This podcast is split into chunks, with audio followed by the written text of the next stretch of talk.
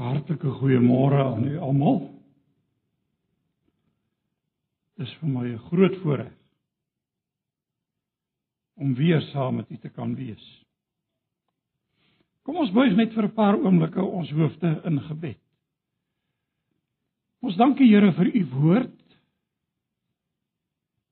Ons dankie vir die waarheid daarvan en dat ons kan bely dat hierdie woord is deur die Heilige Gees geïnspireer. Ons erken daarmee vanmôre die Godgeademde karakter van die Bybel. En daarom bid ons dat dieselfde Gees wat hierdie woord geïnspireer het ook by die uitleg in ons daarvan in ons eie lewens in ons gedagtes werksaam sal wees. Vir ons gevange sal neem en vir ons sal help om te verstaan. Ek bid Here dat U vir my sal bewaar om getrou te bly aan U woord.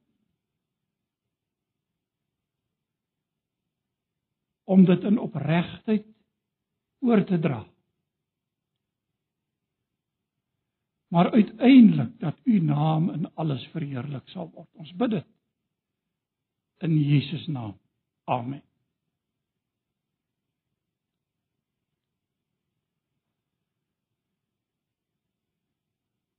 Vra vir u om te blaai na Romeine hoofstuk 11. Romeine 11 vanaf vers 25.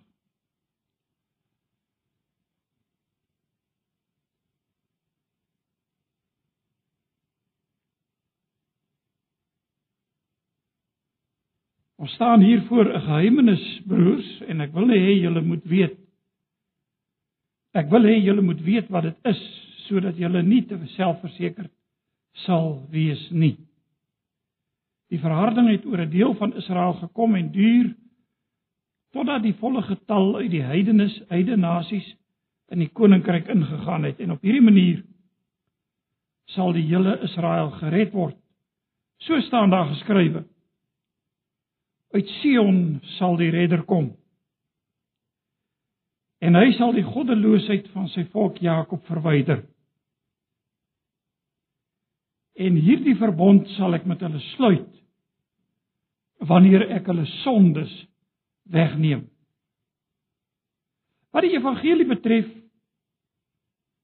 is hulle wel vyande van God en dit kom julle ten goeie.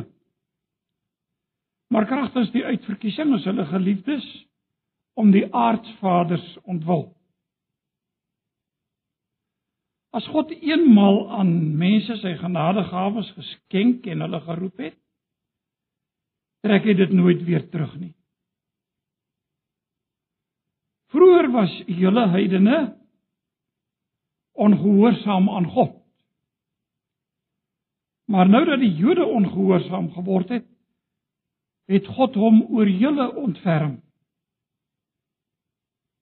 Net so gaan dit ook met die Jode. Omdat God hom oor julle ontferm het, het hulle nou ongehoorsaam geword. Maar dit gebeur sodat hulle self ook nou ontferming kan vind. God het almal aan die ongehoorsaamheid oorgegee sodat hy hom oor almal kan ontferm. Nou hierdie is seker een van die mees bespreekte skrifgedeeltes waaraan 'n mens kan dink. Die titel in in die multivertaling wat ek voor my het vir hierdie perikoop staan die toekoms van Israel. Nou ek in my eie hart voel so 'n bietjie vir die keuse van 'n ander opskrif vir hierdie gedeelte as wat die vertalers hier gekies het. En u sal waarskynlik as u verskillende vertalings voor u het, uh verskillende opskrifte daarvoor raak sien. My eie sentiment sou wees dat ons hier eintlik bo kan skryf die toekoms van Jood en heiden. Of die genadegawe van God soos bedien aan Jood en heiden. Maar nou het ek hier 'n woordjie gebruik toekoms. En en en u sal nou onthou wat Romeine 9:10 en 11 betref was die oorkoepelende gedagte wat ek vir Romeine gekies het om te sê dit handel in hoofsaak oor God se geregtigheid. En daarby het ons gekyk hoe dat God regverdig is in sy oordeel in die eerste gedeelte in in Romeine 1 en 2 in die begin van hoofstuk 3 oor Jood en heiden. En van hoofstuk 3 die gedeelte wat vanmôre vir ons voorgeles is. Van daar af verder gaan dit dat God regverdig is ook in sy vryspraak van alle mense deur die geloof in Christus Jesus. Daar's die kern waaroor dit gaan. En hierdie vryspraak vind vergestalting dan ook in 'n nuwe lewe wat na vore kom. Maar dan wat van Jood en heiden dan nou in hierdie hele konteks en dis waarby ons stil staan stil gestaan het in hoofstuk 9, 10 en 11. God se geregtigheid soos gehandhaaf sou ek sê oor Jood en heiden. En dan nou hierdie gedeelte wat ons nou vanoggend saam gelees het waar die toekoms dan in 'n sekere sin betrek word, maar jy weet, hy sê hier en ek wil net vir 'n oomblik daarby stil staan, ek gaan weer daarby uitkom. Hy sê die verharding het oor 'n deel van Israel gekom en duur totdat die volle getal uit die heidene nasies in die koninkryk ingegaan het. Letterlik staan daar net ingegaan het. Die nuwe vertaling het bygevoeg ter verduideliking in die koninkryk ingegaan het. Wat natuurlik aansluit by die gedagte wat in elk geval hier geopper het. Met ander woorde totdat die volle getal heidene ingegaan het en natuurlik van selfsprekend begin ons nou praat oor die einde. Nie waar nie? Ek meen dis 'n mens se logiese gevolgtrekking. Maar ek wil nou vir u vra om 'n bietjie moeite te doen vanmôre en saam met my net te kyk wat bedoel die Bybel werklik by die einde. Of kom ons sê dan by die laaste dae. En jy weet baie kenmerke word baie van ons gesprekke word gekenmerk. As ons nou met mekaar gesels en dinge gebeur dan sê ons, "Sjoe, mense kan mense kan daarom sien dis die laaste dae nie waar nie. En ons sê dit heel dikwels vir mekaar en dis nie verkeerd. My vraag is net in Bybelse perspektief, wanneer is die laaste dae? En hierdie vraag is veel belangriker as wat ons dalk vanmôre dink. En ek wil graag vir u daarop wys, weet, een van die dinge van Bybeluitleg word daar gesê is kontekstualisering. Al die woord gehoor.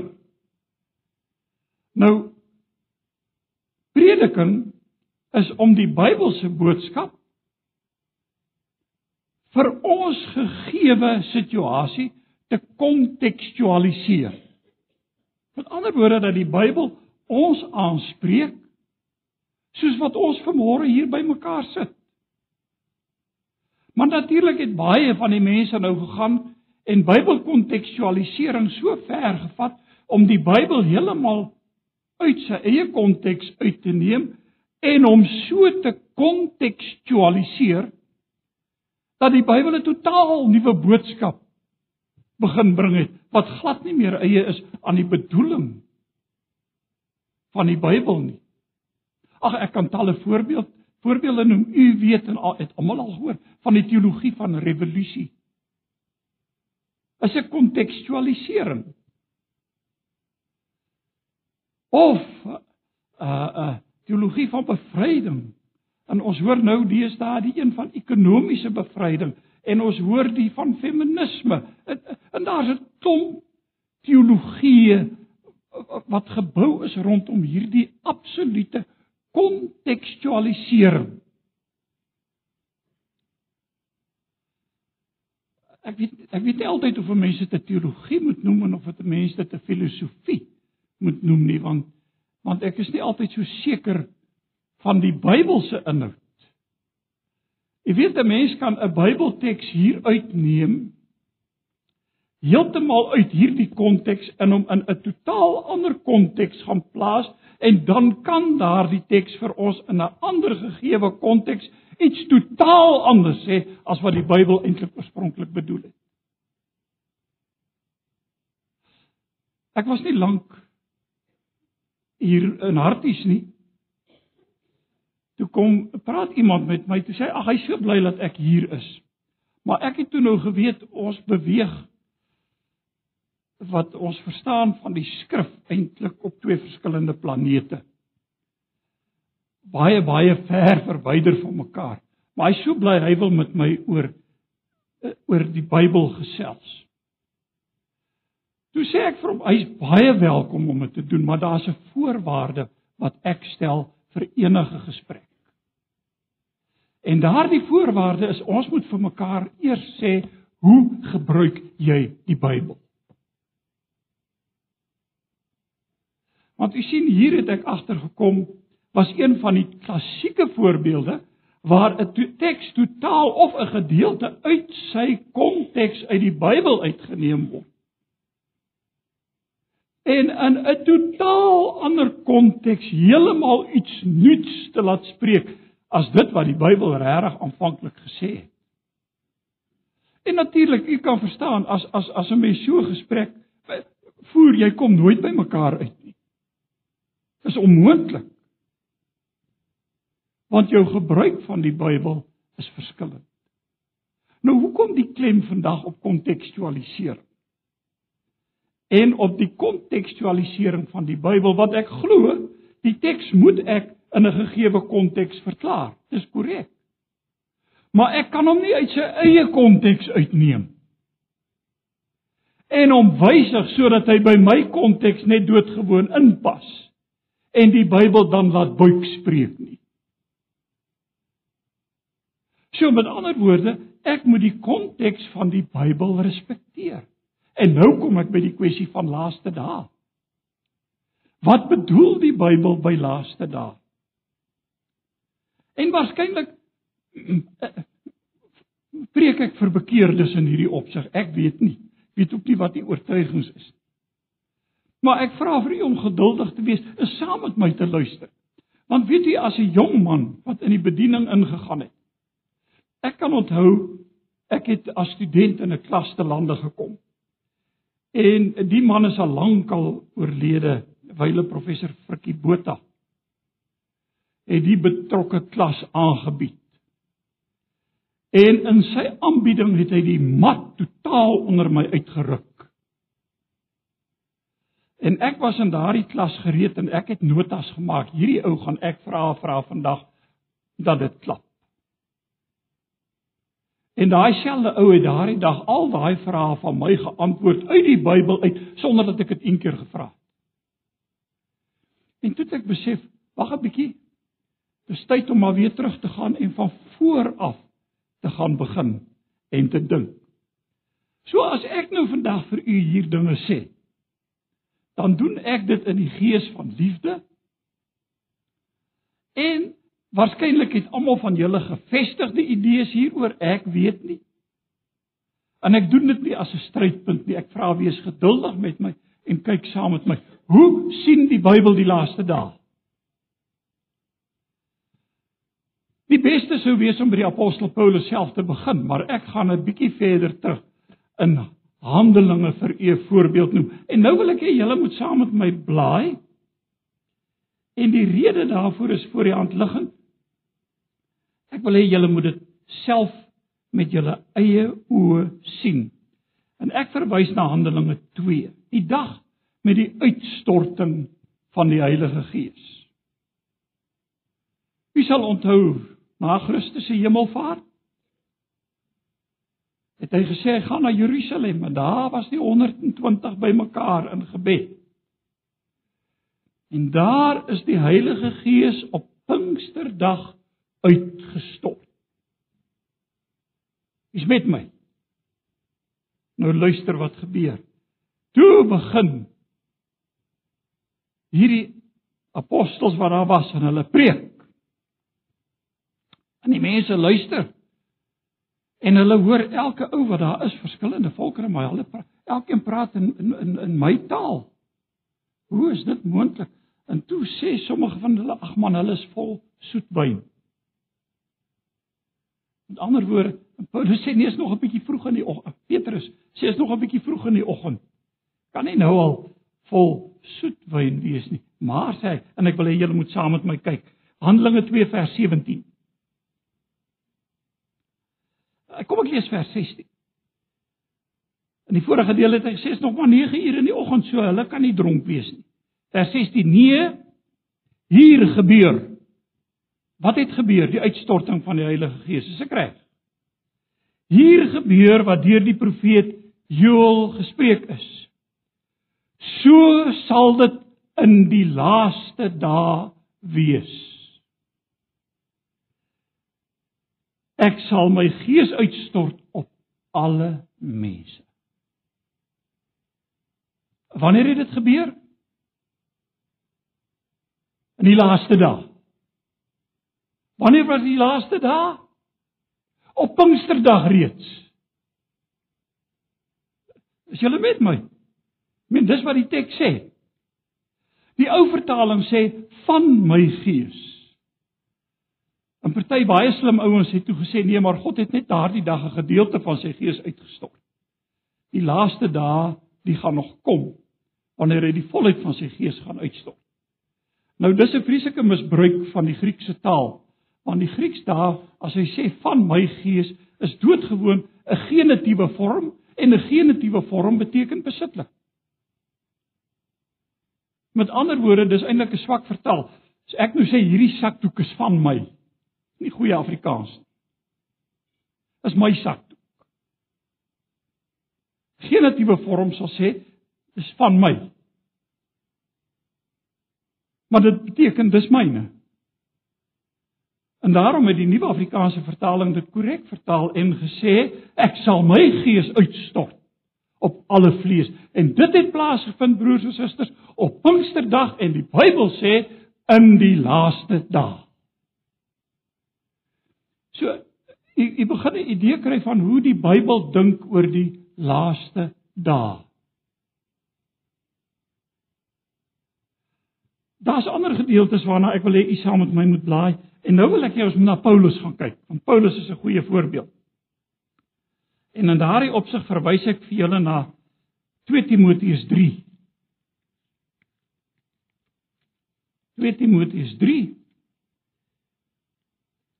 Nou terwyl ek so blaai, dink ek aan die ou speelietjie wat ons baie keer die Sondagskool gespeel het. Swart in die skede. Swaarde uit En dan is die teks en dan moet jy kyk wie hom eerste. Nou ja, 2 Timoteus 3 vers 1. Paulus skryf en onthou nou, u sal onthou ek het gesê as ek die as ek die skrif wil toepas in my konteks, kan ek die skrif nie uit sy eie konteks ontkontekstualiseer as daar so 'n woord is nie kan hom nie uit sy eie konteks uit wegneem nie. So Paulus skryf aan Timoteus. En dis 'n hele klompie jare terug. En wat sê hy vir Timoteus? Hy sê vir Timoteus, dit moet jy weet. In die laaste dae sal daar swart tye kom. Die mense self sal, sal selfsugtig wees. Uh uh geldgierig, grootpraterig, in verbaan, beledigend teenoor medemense, ongehoorsaam aan hulle ouers, ondankbaar en ongodsdienstig. Weet jy wat? Paulus waarsku vir Timoteus reeds in sy tyd oor hierdie dinge. Natuurlik is dit op ons van toepassing. Natuurlik is dit waar vir ons wat vandag leef. Ek het ek het in die verlede al dikwels gesê en ek mag dit nie sê nie want eintlik is dit onbybels.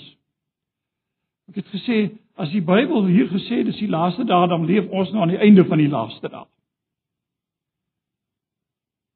Maar die Bybel ken die laaste dae, die einde en dan gaan hy aan en hy praat van hierdie mense sal eerder lief hê vir liefde hê vir genot as liefde vir God. Hulle sal die krag van die godsdiens ontken, hulle sal dit verloon. Paulus sê, wat sê Paulus vir Timoteus? Bly weg van sulke mense af. In sy tyd. Ek probeer net vir u die idee gehad, die idee gee want onthou, ek het gesê aan die einde. Hoe sien die Bybel die einde? Hoe sien die Bybel die laaste dae? So selfs die apostel Paulus wat Romeine 11 geskryf het, het hier in 2 Timoteus 3 gesê vir vir vir, vir Timoteus uh, om gewaarsku en gesê versigtig in die laaste dae sal. En dan waarsku hom, hy sê bly weg van sulke mense af. Natuurlik spreek dit na tot jou en tot my. Natuurlik is dit net so van toepassing op vandag as wat dit op daardie tyd was. Ek het geen illusie daaroor nie, ek het geen twyfel in my eie hart in my eie hart daaroor nie. Dit is soos dit lyk. Maar vir my om die Bybel te verstaan, moet ek hierdie konteks reg kry. Daar's ander gedeeltes wat ek vanaand na wil verwys. Die ander een is Hebreërs 1. En ek is so lief vir hierdie uh uh hierdie uitspraak. Dit is so treffend en so mooi. Hebreërs 1 vers 1 lees ons In die verlede het God baie keer en op baie maniere met ons voorvaders gepraat deur die profete. Vers 2. Maar nou wanneer in hierdie laaste dae het hy tot ons gepraat deur die seun. En nou in hierdie laaste dae het hy met tot ons gepraat deur die seun en dan gaan hierdie hele gedeelte in in Hebreërs aan oor die verhewenheid van die Here Jesus Christus en sy werk, sy profetiese bediening, sy koninklike bediening. Alles kom hier ter sprake in hierdie gedeelte, asook veral sy priesterlike bediening. Dit wat Jesus kom doen het. Weet jy, Hebreërs is eintlik nog ernstiger oor hierdie saak as wat jy en ek kan dink. En ek het ook neergeskryf Hebreërs 9 vers 26. Kyk vinnig saam met my. Hebreërs 9 vers 26.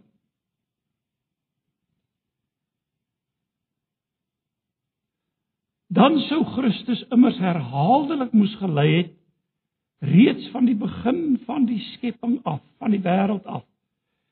Maar nou, en hier kom die woorde, het hy net een keer in die volëinding van die tye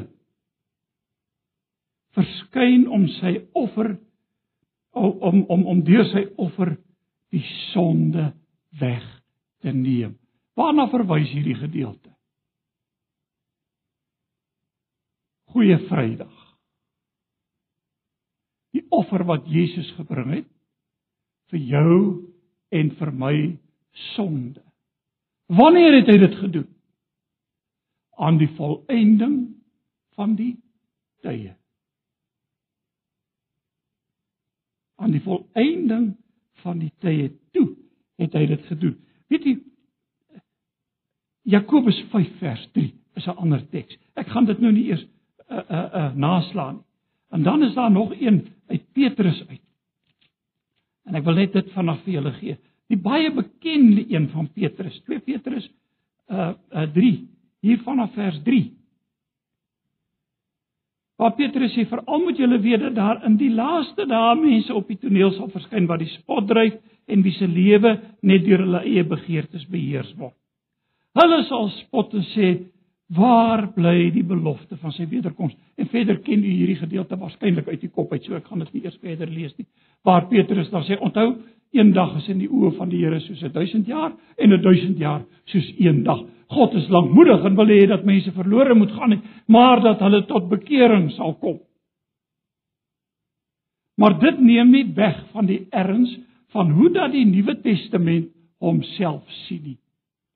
Nou, wat sal u vra het dit nou met die prys van eiers te doen? Wat het dit nou met Romeine 11 te doen? Kyk vanaand saam met my en ek wil uh die aandag vestig op enkele van hierdie gedeeltes. Ek het nou nie eers verwys na Openbaring en die uitsprake in Openbaring nie. Die tyd laat dit gewoon uh nie toe nie. Luister in vers 25. Paulus sê ons staan voor 'n verborgenheid. En vanmôre is hier verwys in die gebed na geheimenis. Woord wat Paulus hier gebruik, verborgenheid. Sy geheimenis met ander woorde dit gaan oor 'n bekendmaking, 'n openbaarmaking wat van God afkom. Dis hierdie geheimenis wat hy wil bekend maak. Hy wil hê hulle moet weet dat dit is sodat hulle nie onkundig is nie, sê die ou vertaling en nie te selfversekerd sê hy hier is nie. Wat is dit dan? Hy sê die verharding en ag ek wil hê ons moet eintlik net na die teks kyk. Weet jy, ek het al ek het in die verlede geworstel met hierdie tekste. En weet jy, ek het uiteindelik ontdek lees hom soos hy daar staan. Lees hom soos hy daar staan. Kom ons kyk. Hy sê die verharding het oor 'n deel van Israel gekom. So 'n gedeelte van Israel is verhard. En dan sê hy die woorde totdat die volle getal uit die heidene nasies in die koninkryk ingekom het. Nou natuurlik onmiddellik het ons tydsindelings, nie waar nie, ons werk nou dadelik met tyd. So hierdie verharding is nou ten dele oor Israel totdat hier's nou die streep die volheid van die heidene ingegaan het En dan volg dan die massa bekering van Israel. Die ou vertaling sê en so sal die hele Israel gered word. Broers en susters, is dit wat die teks sê. Dink nou mooi. Wat ook al, wat ook al die teologiese oortuigings is. Die teks sê en so uit die ou vertaling. Wat beteken dit? Gewoon soos wat die heidene ingekom het. Hierdie verharding is oor Israel. Totdat die volheid van die heidene ingegaan het en so sal die hele Israel gered word. Ek ek weet dalk dalk sê ek nou goed wat wat wat baie mense bietjie anders oor dink. En en dan moet julle my maar met groot geduld en liefde verdra. Maar eh, kyk saam met my na die teks. Want hy sê hier die nuwe vertaling het dit baie treffend gedoen. Hy sê en op hierdie manier kom ek lees net weer die verharding het oor 'n deel van Israel gekom en duur totdat die volle getal uit die heidenes in heidene nasies in die koninkryk ingegaan het en op hierdie manier sal die hele Israel gered word. Nou hele Israel moet ons nou vir onsself 'n saak uitmaak vanmôre en sê bedoel die Bybel nou hier hierby kop vir kop. Ek ek kan dit vir geen oomblik dink nie want die Bybel het ook nie bedoel dat die volle getal uit die heidene die volheid van die heidene sê die ou Afrikaanse vertaling. Die heidene almal kop vir kop is nie.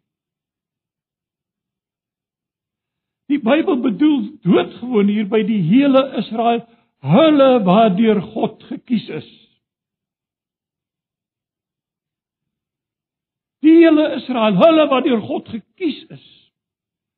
Hulle wat aan hom behoort. Hulle sal gered word. So sal die op hierdie manier sal die hele Israel gered word. Weet jy wat het die apostel Paulus gesê in Romeine 1 uh, 9 in hoofstuk 9 vers 6? Nie almal is Israel wat uit Israel is nie, onthou u dit?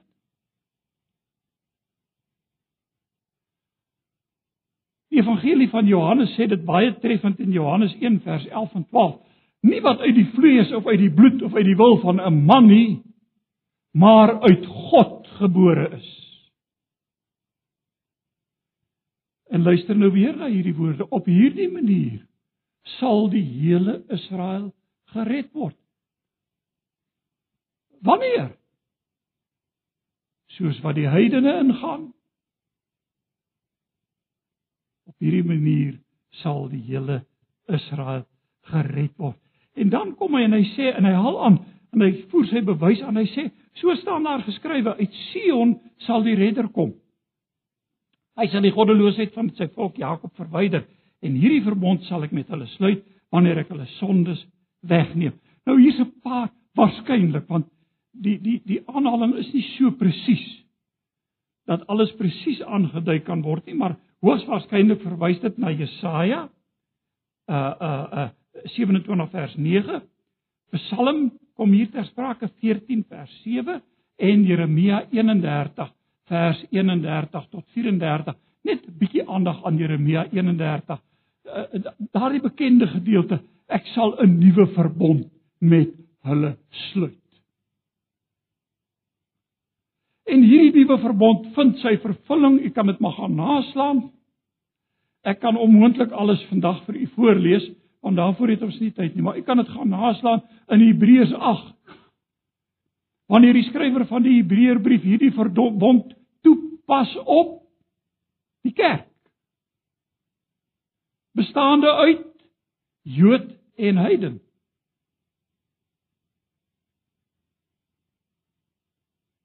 Wie is die nageslag van Abraham sê die apostel Paulus in Galasiërs? Hulle wat uit die geloof is.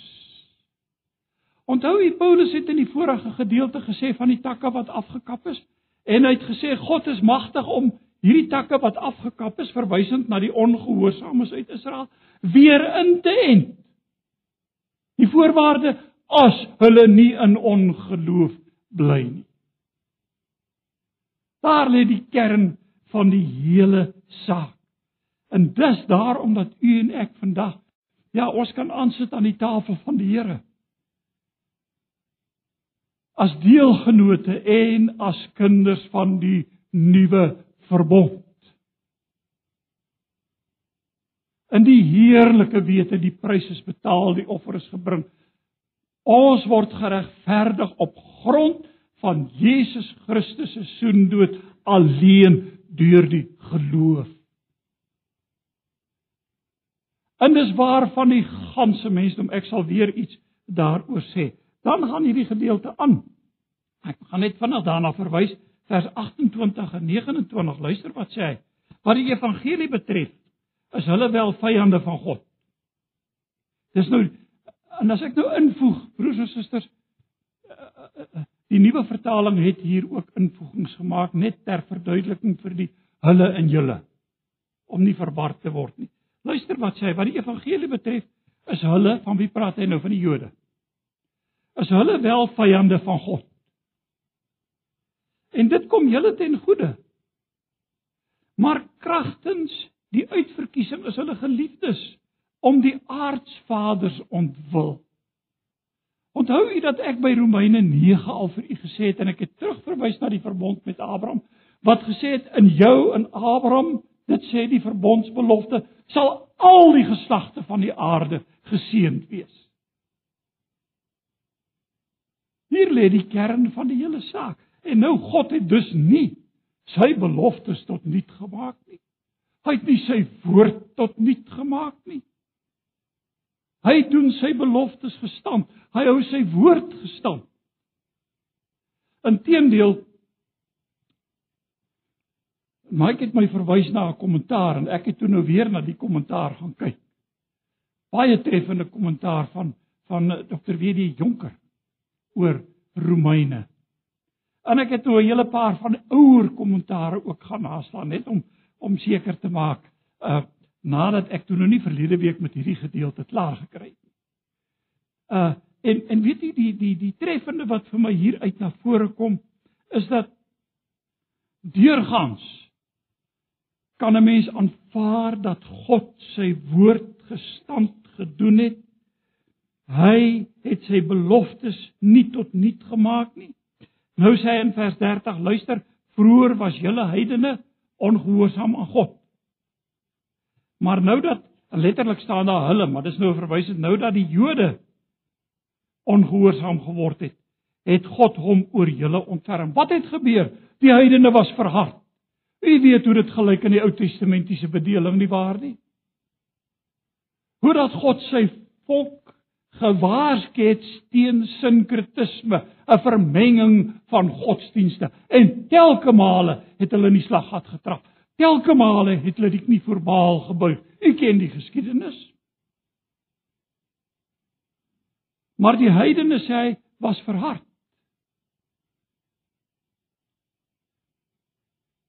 En die Jode was die draers van die goeie nuus of sal ek dan sê was veronderstel om die draers van die goeie nuus te wees. Vroeger was julle heidene ongehoorsaam, maar nou dat die Jode ongehoorsaam geword het, het God hom oor julle ontferm. Onthou jy Paulus wat gesê het, ek wend my tot die heidene. Jy onthou mos Paulus wat moedeloos was. Net so gaan dit ook met die Jode, omdat God hom en nou moet u mooi luister, ek gaan dit baie versigtig lees. Net so gaan dit ook met die Jode, omdat God hom oor julle ontferm het. Het hulle en luister na die gebruik van die woordjie nou. Het hulle nou ongehoorsaam geword. Maar dit het gebeur sodat hulle self ook nou Nou die van julle wat met 'n ou vertaling sit sal sê maar daar kom die woordjie nou in die ou vertaling voor. Swaar. Die beste handskrifte kom dit voor. Nou, in die van die wat die voorreg het om die Griekse teks te gaan naslaan, dit staan daar. Twee keer nou. Alhoewel ek dink ek dink nie dit wat my oortuiging is aangaande die skrifgedeeltes afhanklik net van daardie nou nie, maar luister wat sê hy. Dit was so met die Jode omdat God op oor hulle ontferm het, hulle nou ongehoorsaam geword. Maar dit het gebeur sodat hulle self ook nou ontferming kan vind. Wanneer is die nou? Die nou is reeds in die laaste van die dae. Die nou is reeds aan die einde van die tye, want dis die tyd waarin die apostel Paulus geleef het. Weet jy as jy Paulus mooi versigtig gaan lees in Tessalonisense, sal u sien hy verwys daarna ons wat in die lewe oorbly as die Here Jesus weer kom. So am dit was die wederkoms was vir Paulus so 'n realiteit. Die einde van die aarde was vir hom so 'n realiteit. Dit kon in sy dag gebeur het. En broers en susters, as ons baie versigtig en noukeurig die Nuwe Testament gaan lees, sal ons sien hoe ernstig was die Nuwe Testamentiese skrywers oor die wederkoms van die Here Jesus wat hulle spoedig verwag het. En dan kry ons Petrus wat sê maar daar's nou die die talm. Kan ons praat van 'n talm?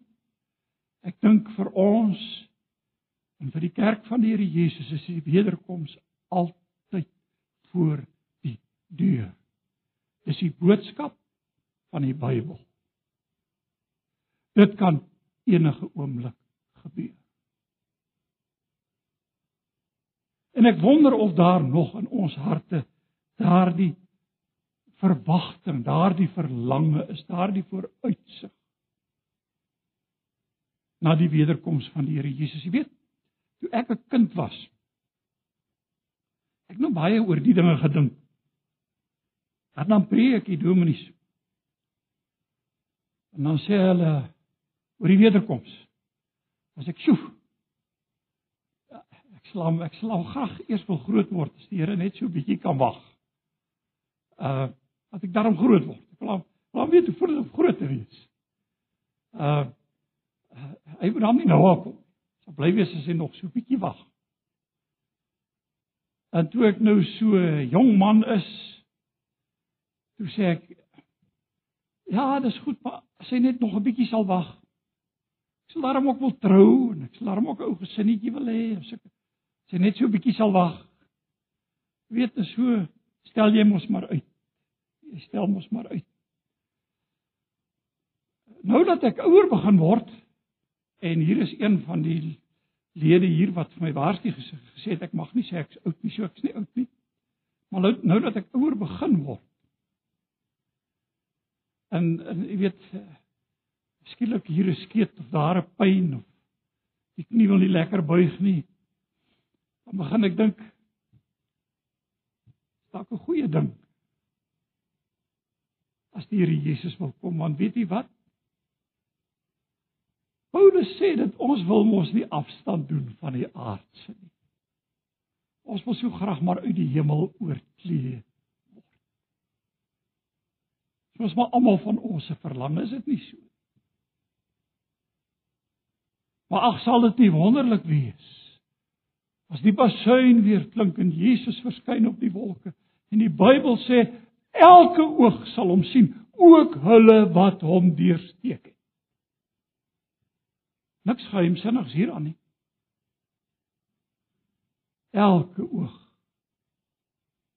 sal hom sien.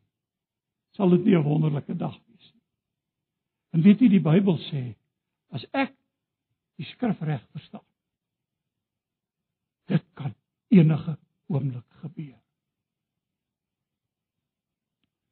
Moet maar nie te gerus wees en wag vir 'n ooreenkoms daar in Jerusalem tussen die Jode en die Moslems oor die tempel op die Tempelberg waar 'n moskee staan. Moet maar nie wag nie. Jesus kan kom glo ek voor hierdie dag verby is. Hy kan enige oomblik kom. En die nuwe kerk het in daardie verwagting, die Nuwe Testamentiese kerk het in daardie verwagting geleef. Hulle het uitgesien daarna. Weet jy dan vind hierdie hierdie gedeelte sy klimaks in in vers 32. God het almal in hier is ons terug by Romeine 1 en 2 en die begin van hoofstuk 3. God het almal aan die ongehoorsaamheid oorgegee. Almal is skuldig. Die ganse mensdom, Jood en heiden, die hele lot staan skuldig voor God. En luister dan hierna. Sodat hy hom oor almal kan ontferm. Genade onbeskryflik groot. Dis waaroor hierdie gedeelte gaan. Dis vir my die kern van die apostel Paulus. Miskien as ons die vraag vra wanneer is dit die verkeerde vraag. Miskien moet ons vir mekaar sê in wie vind dit plaas? Daar's net een naam gegee. Jesus Christus. Die seun van God. Daar's die antwoord. Kom ons buig ons hoofde in gebed. Here ons dankie vir hierdie ou tydjie saam. En as waar u woord in menslike swakheid gekom het, bid ek dat u dit sal bevestig deur die werk van u Heilige Gees. En ag die kern van alles is dat u vir ons weer opgewonde sal maak om uit te kyk na die dag wanneer Jesus sal verskyn in heerlikheid. Ek bid dit in Jesus naam. Amen.